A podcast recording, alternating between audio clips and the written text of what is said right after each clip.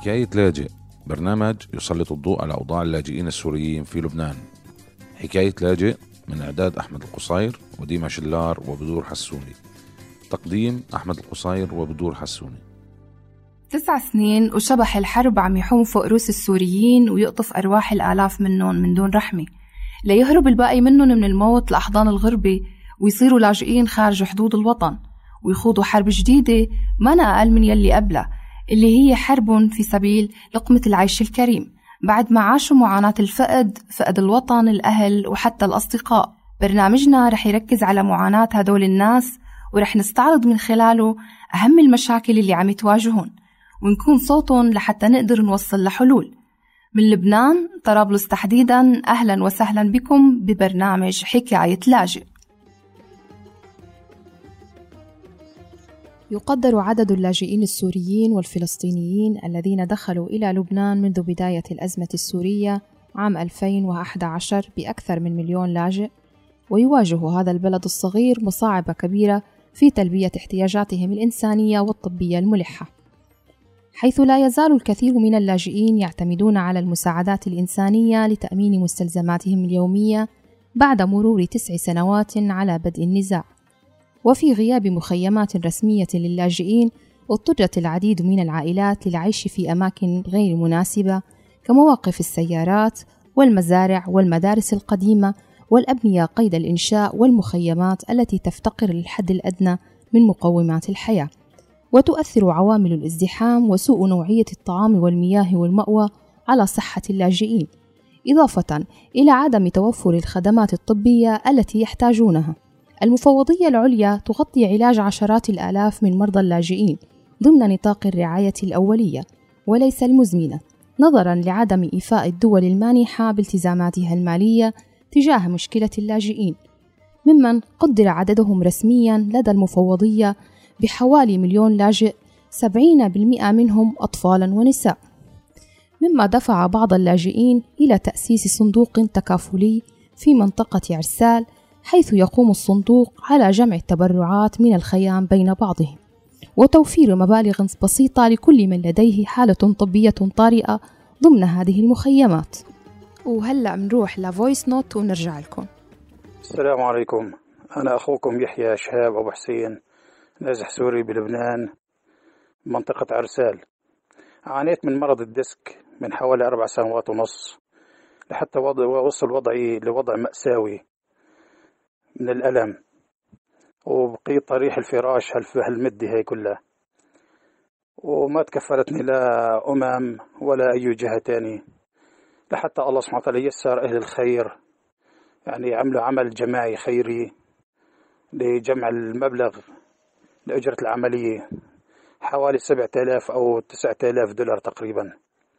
وكان لي صندوق آه، القصير تجمعنا حاليا أيادي الخير تجمعنا. لهم فضل بهذا الموضوع الله يبارك فيهم ساهموا بحوالي 2 مليون ليرة لبنانية. والصندوق عبارة عن عمل خيري تطوعي لهالحالات المأساوية اللي الإنسان ما بيحسن يعني يحملها. والحمد لله يعني حالات كتير صار بساهم هذا الصندوق يعني بدعم الأخوة أصحاب الحاجات يعني. الله يبارك فيهم جميعا. وطبعا العمل تطوعي ما في شيء مقابل إلا يعني ابتغاء وجه الله وعمل إنساني. هو عمل تبرع يعني كل إنسان حسب استطاعته.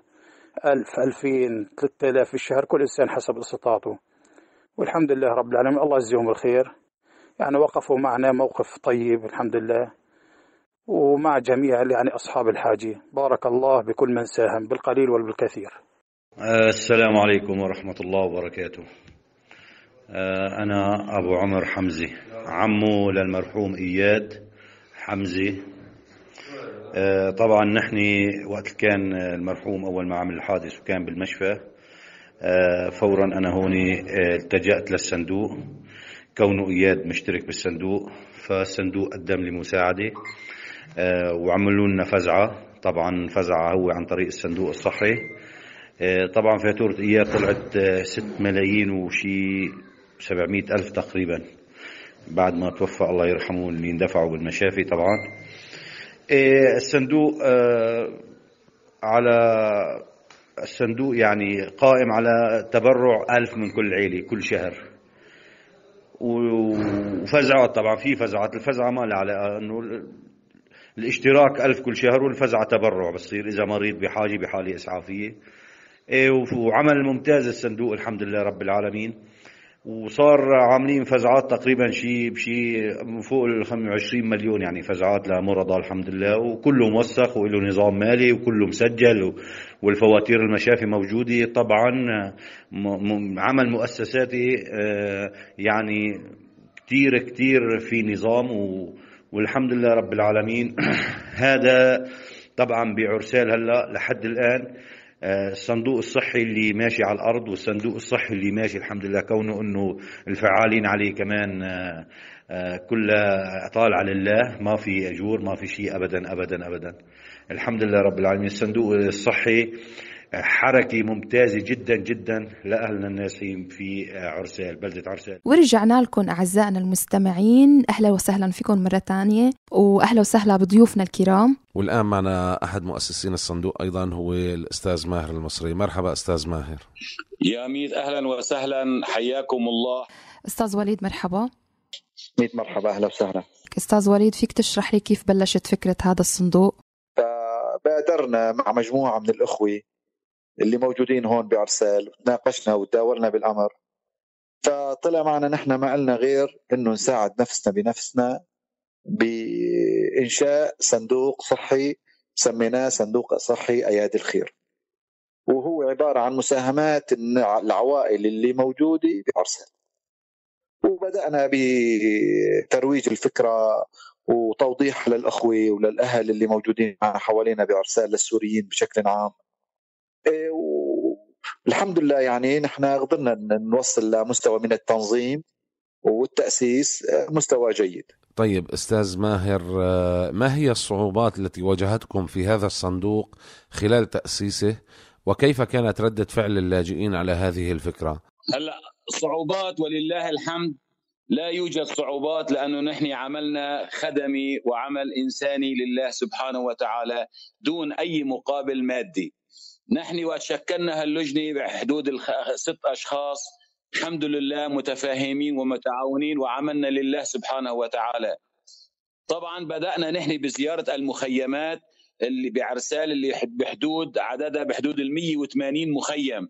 طبعا ضلينا ثلاث أشهر أنا وإخواتي نبرم على المخيمات ونشرح شو هي آلية عمل الصندوق وما هو النظام المالي. نحن حاطين نظام مالي للصندوق.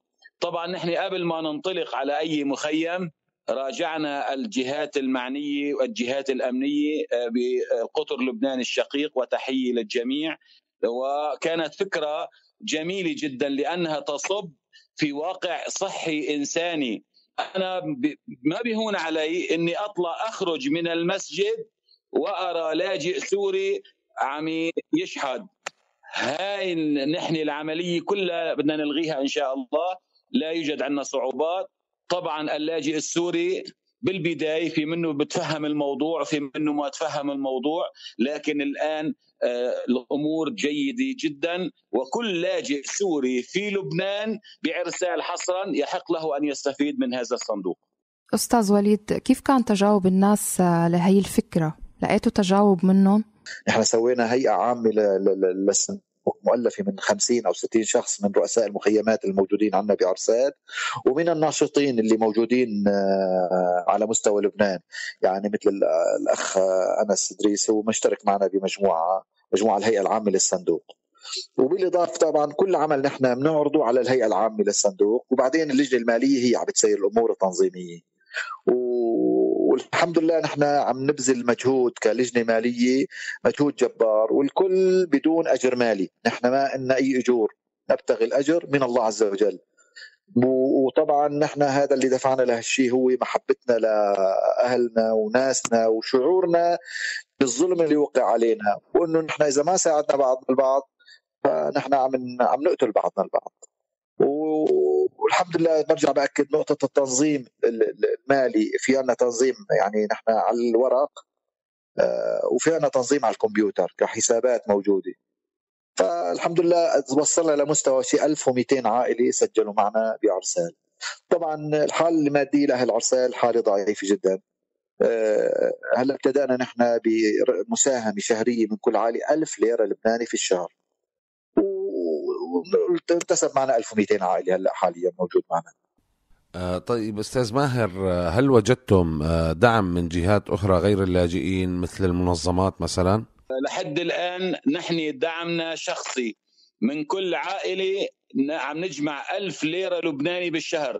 حتى الآن ما إجانا ولا دعم من أي منظمة نهائيا. ربما يلتقى شخص أو شخصين بيكون مسافر مثلا بالخليج أو كذا بدعمنا ب 100 دولار أو 200 دولار.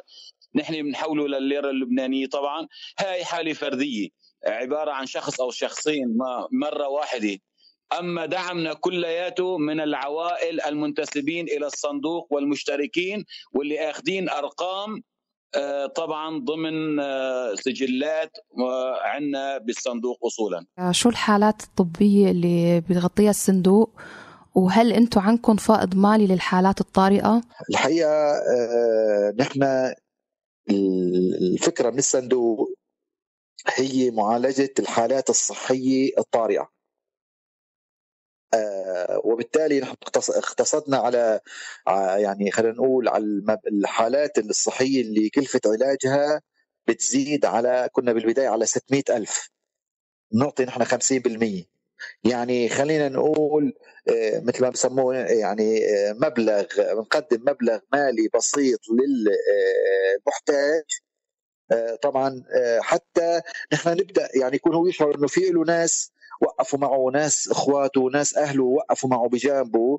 فقدمنا له نحن مبلغ مالي بسيط آه، وليكن هو مثلا نحن كان مبلغ 300 ألف. نحن عم نحكي كله بالليرة اللبناني طبعا. مساهمات معنا بالليرة اللبناني وتقديم مساعدة بالليرة اللبناني فقدمنا نحن مساعدة مثلا 300 ألف كان هو هلأ سقف نحن نقدم مساعدة. هلأ في كتير حالات طبعا بتعرفي كلفة العلاج بلبنان عالي كتير يعني في أقل شيء مليون ومليون ونص ومليونين وثلاثة مليون. فعندنا حالات نحن تعرضنا لها لكلفة مالية عالية كثير نحن كلجنة مالية هون في عندنا نظامين. نظام المساعده الفوريه اللي هو من خلال مساهم بالصندوق كل أخ مساهم معنا بالصندوق بيطلع له مساهمة فورية بالصندوق اللي هي 50% على الا تزيد عن 300 ألف نظرا لقلة الرصيد المالي. ما عندنا نحن رصيد مالي آه، يكفي. حتى نرفع نصير نقول والله بنساعد مثلا 700 ألف بنساعد بمليون. لا ما عندنا نحن رصيد مالي. فنحن حاولنا نقلل الرصيد المالي نتيجة نقلل المساهمة المالية بدنا نقدمها للمريض نتيجة ضعف الرصيد المالي. في حال وجود رصيد مالي عالي بنرفع نحن هالرصيد هذا. ف يعني آه هاي الفكرة بالصندوق. كم هي عدد الحالات الطبية التي تكفل بها الصندوق إلى الآن؟ وما هي فكرتكم المستقبلية لهذا الصندوق؟ نحن لحد الآن آه، بحدود ال 30 عائلة استفادت من الصندوق. بحدود 30 عائلة استفادت من الصندوق. منهم من استفاد بالنظام المالي لأن في عندنا نظام مالي نحن قديش عندنا سقف أعلى وسقف أدنى. في عندنا كمان عملية ثانية هي الفزعة. مثلا إذا لاجئ سوري بده 3 ملايين ليرة لبناني. نحن نظامنا بيعطيه مثلا 300 ألف أو 400 ألف وفق النظام المالي الموجود. طيب نحن هذا بنخليه بده مليونين و600 ألف بنخليه آه، نقول له روح الله معك. لا نحن بنعمل فزعة يعني تبرع. بنبرم على المخيمات على رؤساء المخيمات.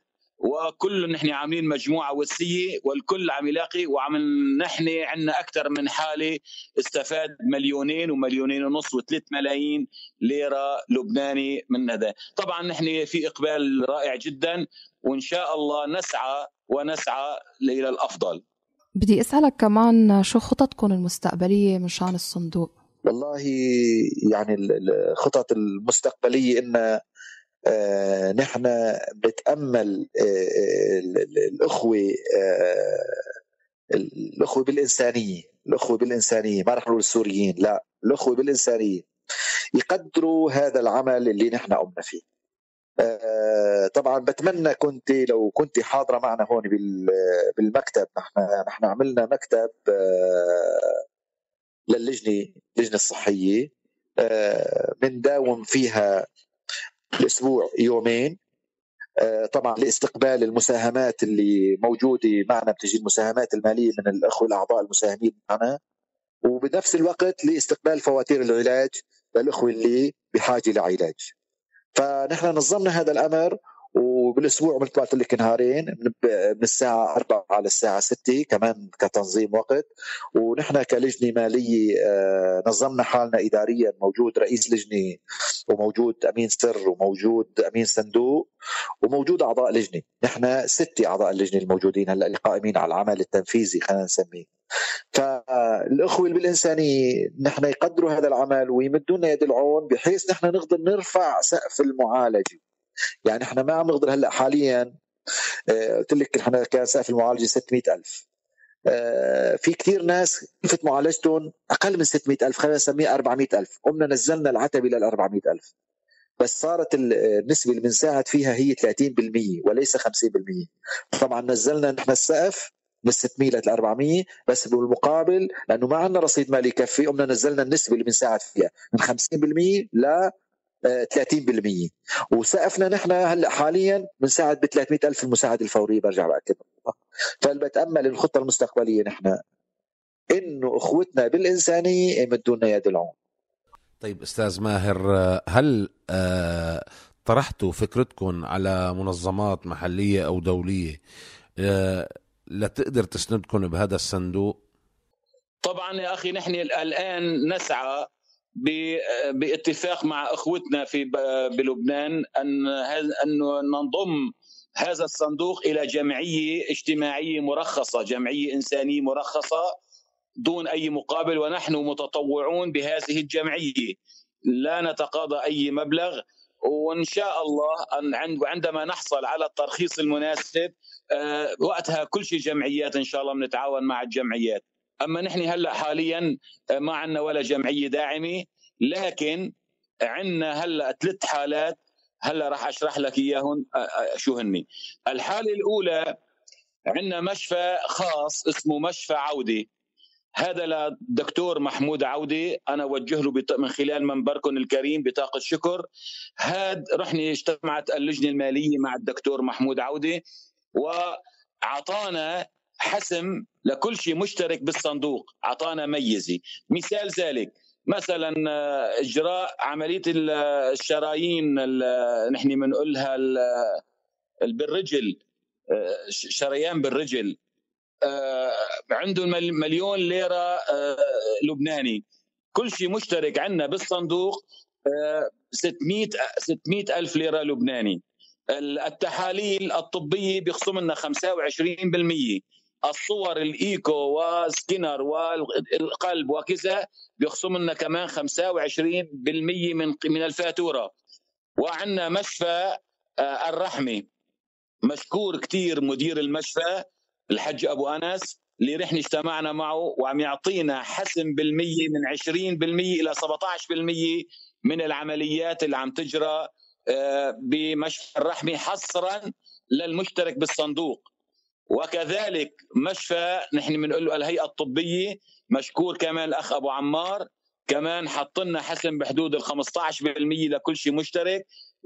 وامبارح بالضبط كنا عند القلمونية ويشكر الأخ آه، أبو مراد آه، اللي قدم لنا كمان قال مستعد أنا إني أي مشفى خارج عرسال إني أنا أحكي معه ويخصم لكم 20 25% لكل مشترك بالصندوق.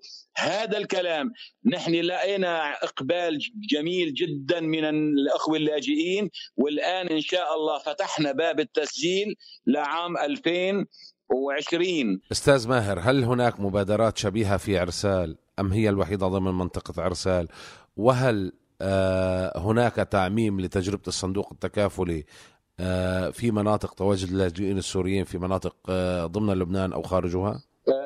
استاذي الكريم نحن فكرة الصندوق اجتمعنا مع أخوي لنا باللاجئين السوريين بمدينة طرابلس وزحلي وبعلبك وكما كان الانتشار في القطر اللبناني الشقيق والتقينا معهم وطرحنا لهم فكرتنا للصندوق التكافل الاجتماعي الصندوق الصحي اللي اسمه هو أيادي الخير الأيادي البيضاء. آه، طبعا آه، لاقى إعجاب عندهم وهن بدأوا بفكرتهم ولكن أعتقد كانت غير غير يعني في منهم غير تقبلوها ولكن يسعوا إلى أن يحدثوا هذا الصندوق، أما على مستوى القطر اللبناني الشقيق للاجئين السوريين لا يوجد آه، ضمن أراضي الجمهورية اللبنانية صندوق صحي للاجئ السوري بلبنان إلا بعرسال. بدي أتشكرك أستاذ ماهر وبتمنى لكم التوفيق دائما آه، لكم لجميع اللاجئين السوريين الموجودين بالأراضي اللبنانية. حبيب القلب أستاذ شكرا. أستاذ وليد شكرا لك وبتمنى لكم التوفيق. الله يخليكي الله يخليكي شكرا لك شكرا. أعزائي المستمعين كان معنا الأستاذ ماهر المصري ووليد رحمة آه، المؤسسين لصندوق التكافل الاجتماعي في عرسال. طبعا لا تزال الحاجة الطبية للسوريين هي الأهم في ظل غياب آه، المنظمات والجهات المانحة للأسف. آه، شكرا لكم لحسن استماعكم. كونوا معنا في حلقات قادمة وإلى اللقاء. حكاية لاجئ. برنامج يسلط الضوء على أوضاع اللاجئين السوريين في لبنان. حكاية لاجئ من إعداد أحمد القصير وديما شلار وبدور حسوني. تقديم أحمد القصير وبدور حسوني. إخراج فادي قرقوز.